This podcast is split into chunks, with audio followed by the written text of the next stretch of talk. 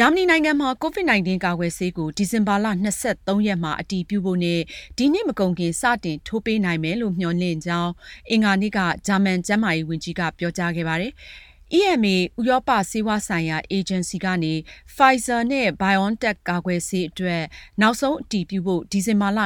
၃ ရက်နေ့မှာ ဆွေးနွေးကြမယ်လို့ သူ့အနေနဲ့ သိရကြောင်း ဘာလင်မြို့တော်မှာ ကျင်းပတဲ့ သတင်းစာရှင်းလင်းပွဲမှာ ကျန်းမာရေးဝန်ကြီး Jens Spahn ကနေသတင်းထောက်တွေကိုပြောကြားခဲ့ပါတယ်။ EMA အေဂျင်စီဟာဥရောပသမဂ္ဂအတွက်ကာကွယ်ဆေးတွေနဲ့အခြားဆေးဝါးတွေကိုအကဲဖြတ်ခွင့်ပြုပေးရတဲ့အဖွဲ့ဖြစ်ပါတယ်။ Pfizer နဲ့ BioNTech ကာကွယ်ဆေးကိုဗြိတိန်၊ကနေဒါ၊အမေရိကန်နဲ့အခြားနိုင်ငံတွေမှာအသုံးပြုခွင့်ရထားပြီးဖြစ်ပါတယ်။ဂျာမနီအနေနဲ့ EMA ရဲ့ခွင့်ပြုချက်ရဖို့ စောင့်ဆိုင်းနေတာနဲ့ပတ်သက်လို့ ကျန်းမာရေးဝန်ကြီး Spahn က ကာကွယ်ပြောဆိုရာမှာ